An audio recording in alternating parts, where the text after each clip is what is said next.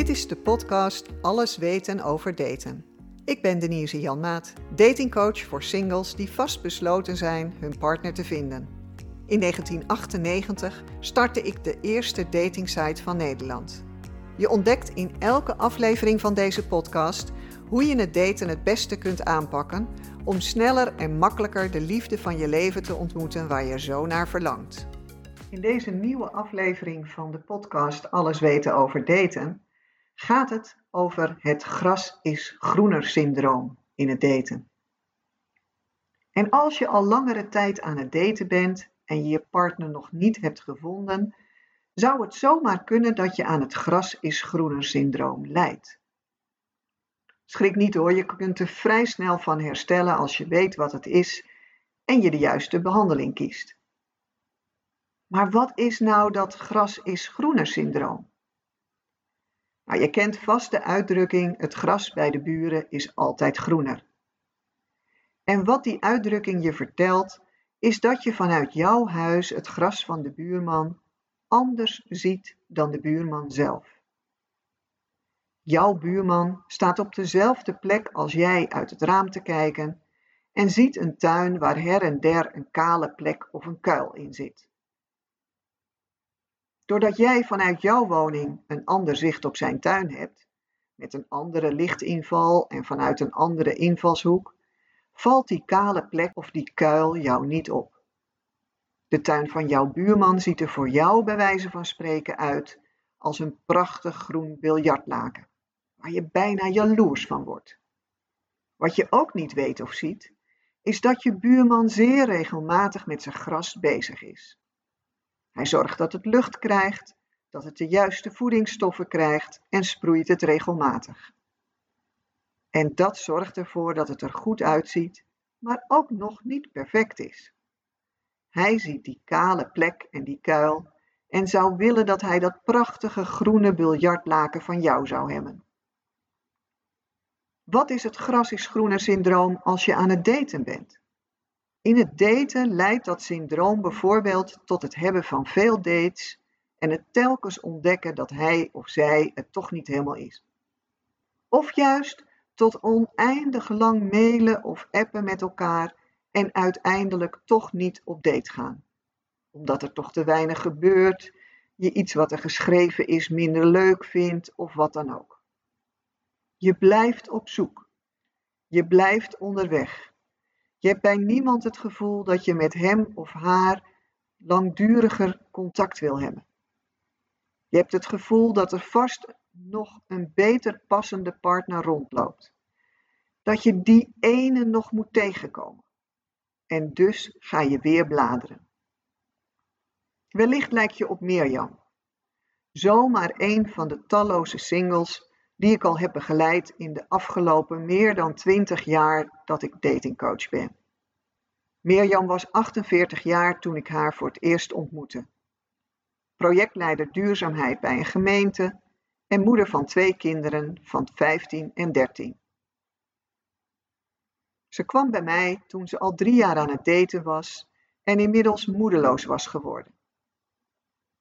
In die periode had ze weliswaar tweemaal een relatie van een paar maanden gehad, maar het had niet geleid tot de bestendige relatie die ze graag wilde. Mirjam heeft een paar goede vriendinnen, waarvan er twee zijn die een relatie hebben zoals zij dat ook zou willen. Leuke mannen, sportief, ambitieus, goede vaders en charmante partners. Mannen die haar qua type aanspreken. In de relatie dragen ze hun steentje bij en ziet het er harmonieus uit. Zij blijken onbewust het voorbeeld te zijn dat zij zoekt als ze aan het daten is. In de drie jaar dat ze aan het daten is, heeft ze gemiddeld twee keer per maand een date gehad. De vele mannen die ze heeft ontmoet, waren het telkens net niet. Het liep naar haar zeggen meestal stuk op haar zelfstandigheid haar ambitieuze fulltime baan en het feit dat ze eisen stelde aan de mannen.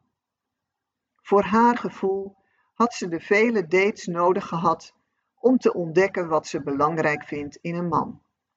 Dat ze nu weet wie ze wil en hem niet kan vinden, dat frustreert haar. Bart daarentegen kwam uit een relatie van zeven jaar en had na een rustperiode van anderhalf jaar besloten om een nieuwe partner te gaan vinden. Hij was 37 jaar, salesmanager, dol op zijn hond Bikkel en zou het leuk vinden vader te worden. Na zijn inschrijving bij diverse datingsites en meerdere dates kwam hij echter tot de ontdekking dat de vrouw die hij wilde vinden er niet op stond. De moed was hem in de schoenen gezonken en om nu wel de ware te gaan vinden, wendde hij zich voor advies tot mij. Zijn aanpak was anders dan die van Mirjam. Hij had wel met een aantal, nou zeg maar een flink aantal vrouwen gemaild, maar tot dates was het maar een keer of vijf gekomen. Meestal bleek hij degene die niet doorhapte om van het mailen tot een date te komen, of aan een date een vervolg te geven met een tweede date. Wat hij vooral miste was het gevoel van verbinding en betrokkenheid. En het frisse enthousiasme om nieuwe dingen aan te gaan. Hij vertelde uiterlijk niet zo belangrijk te vinden, maar de meeste vrouwen wel een beetje suf en saai te vinden, te veel gezetteld. Wat is nou de behandeling voor het gras is groener syndroom? Als je onderkent dat je op zoek blijft, telkens weer op weg gaat, nog steeds vindt dat je hem of haar niet hebt gevonden, dan wordt het tijd om je datestrategie onder de loep te nemen. Dat is namelijk de beste behandeling. Zolang je namelijk meer van hetzelfde blijft doen, krijg je ook het daarbij passende resultaat dat je altijd al kreeg. Dat brengt je dus niet verder. In die datestrategie is weten wie je wilt vinden het allergrootste struikelblok. Bij de meeste singles die ik begeleid, blijkt dat ze vooral niet goed weten wie ze willen vinden. Ja, wel ongeveer, maar ze kunnen hem of haar nog niet uittekenen. Ze hebben het bijvoorbeeld over iemand die sportief is, spontaan, van gezelligheid houdt. Tja, daar hebben we een land vol van.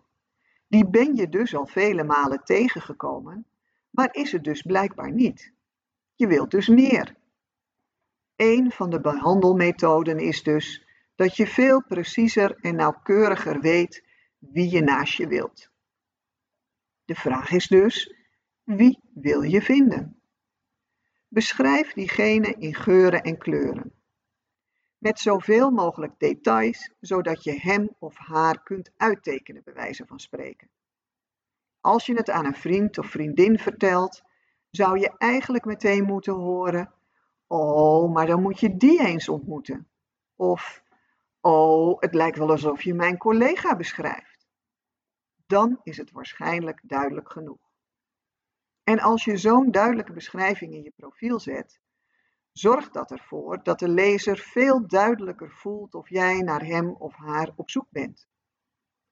Je krijgt daardoor minder reacties van mensen die niet bij je passen, en dat wil je ook, en houdt alleen de reacties over van mensen die nauw aansluiten bij wat je hebt beschreven. Dan heeft het daten ook zin en heb je een grotere kans dat jullie een match zijn. Wat daarnaast een belangrijk onderdeel van de behandeling van het gras is groene syndroom is, is kritisch te kijken naar de manier waarop jullie contact hebben. De aanpak van Bart is om eerst te gaan mailen en elkaar beter te leren kennen. Het grote gevaar dat daarin schuilt, is dat je een heleboel informatie uitwisselt met elkaar en daar in je hoofd een heel plaatje bij maakt. Je gaat vanuit wat jij kent een beeld maken van die ander doet soms ook aannames of trekt conclusies. Dat is risicovol, want je weet niet of je goed zit. En meestal wordt dat ook onvoldoende gecheckt. Daarbij komt dat je elkaar gewoon moet ontmoeten. Zien, horen, ruiken, voelen. In gewone tijden zegt een handdruk en een begroeting al heel veel. In coronatijd gaat dat iets anders, maar is zien, horen en ruiken wel degelijk mogelijk. Uit zo'n ontmoeting kan je namelijk heel veel halen. Je ontleent daaraan de informatie die je nodig hebt om te beoordelen of iemand een potentiële match is. Bart heeft dan ook van mij om te beginnen het advies gekregen om na het uitwisselen van het contactverzoek direct een date af te spreken. Dat advies geef ik jou ook graag. Het is in de behandeling van het gras is groener syndroom een belangrijk onderdeel om een ander resultaat in het daten te krijgen. En Mirjam dan? De aanpak van Mirjam is juist snel afspreken voor een date. Waarom heeft ze dan nog geen succes? Dat ligt aan een ander belangrijk onderdeel van de behandeling van het gras is syndroom. De aanpak van de date. Zoals je wellicht in mijn gratis e-book hebt gelezen, betreft een van de grootste fouten die je kunt maken de aanpak van de date. Mirjam is het type dat haar jas van de kapstok pakt en naar de date vertrekt. En dat is alles wat je juist niet moet doen. Als je in het gratis e-book verder hebt gelezen, heb je ook ontdekt dat een goed voorbereide date onderdeel is van mijn successtrategie, die al zoveel singles hun partner heeft gebracht. Die goede voorbereiding leidt er tijdens je date toe dat je veel informatie krijgt om te kunnen bepalen of de ander een potentiële match is. Laten we maar gewoon heel eerlijk zijn. Gezellig wandelen en koffie of een ander drankje nadrinken is natuurlijk wel leuk, maar moet ook duidelijkheid brengen. Je wilt het gevoel krijgen dat je meer van je date wilt weten, elkaar nog een keer wilt zien en het gevoel hebben dat jullie redelijk op één lijn zitten, qua interesses, kijk op dingen of de manier van omgang. Om dat goed te ontdekken, helpt het enorm als je je date echt voorbereidt. En wat is nou het belangrijkste onderdeel van de behandeling van het gras is groener syndroom? Als je denkt dat je er hiermee bent, zit je ernaast. Want Mirjam heeft tot twee keer toe een relatie van een paar maanden gehad en die zijn allebei toch weer uitgeraakt. Wat is er dan nog meer nodig? Lef, durf, vertrouwen, geloof, rust. Het is heel wat om een commitment af te geven. Om tegen iemand te zeggen dat je van hem of haar houdt. Dat je wilt samen zijn en blijven. Voor je dat kunt en durft, heb je het nodig om op je gevoel te durven vertrouwen. Heb je het nodig om te durven geloven dat dit hem of haar is? Heb je het lef nodig om in alle rust samen uit te vinden of jullie dat commitment aan kunnen en durven gaan? Mirjam heeft ontdekt tijdens onze gesprekken en in de oefeningen van het datingcoachingsprogramma dat zij zich eigenlijk niet echt had laten zien aan de twee mannen waarmee ze een relatie had. Dat ze het lastig vond om bij hen zichzelf te zijn, omdat ze het zo graag wilde laten slagen. Dat ze daardoor eigenlijk bezig was om zich aan te passen en wenselijk gedrag te laten zien in plaats van wat ze echt vond en wilde. Een belangrijk onderdeel van de behandeling van het gras is groener syndroom is dan ook te kijken naar jou. Naar wie jij bent en hoe je omgaat met relaties en je verbindt met anderen. Een belangrijk begin dat in de door mij ontwikkelde successtrategie voor het daten het essentiële fundament is. Hoe wordt het gras is groener syndroom opgelost? Hoewel het woord syndroom ernstig klinkt, heb je inmiddels ontdekt dat er eenvoudig iets aan te doen is.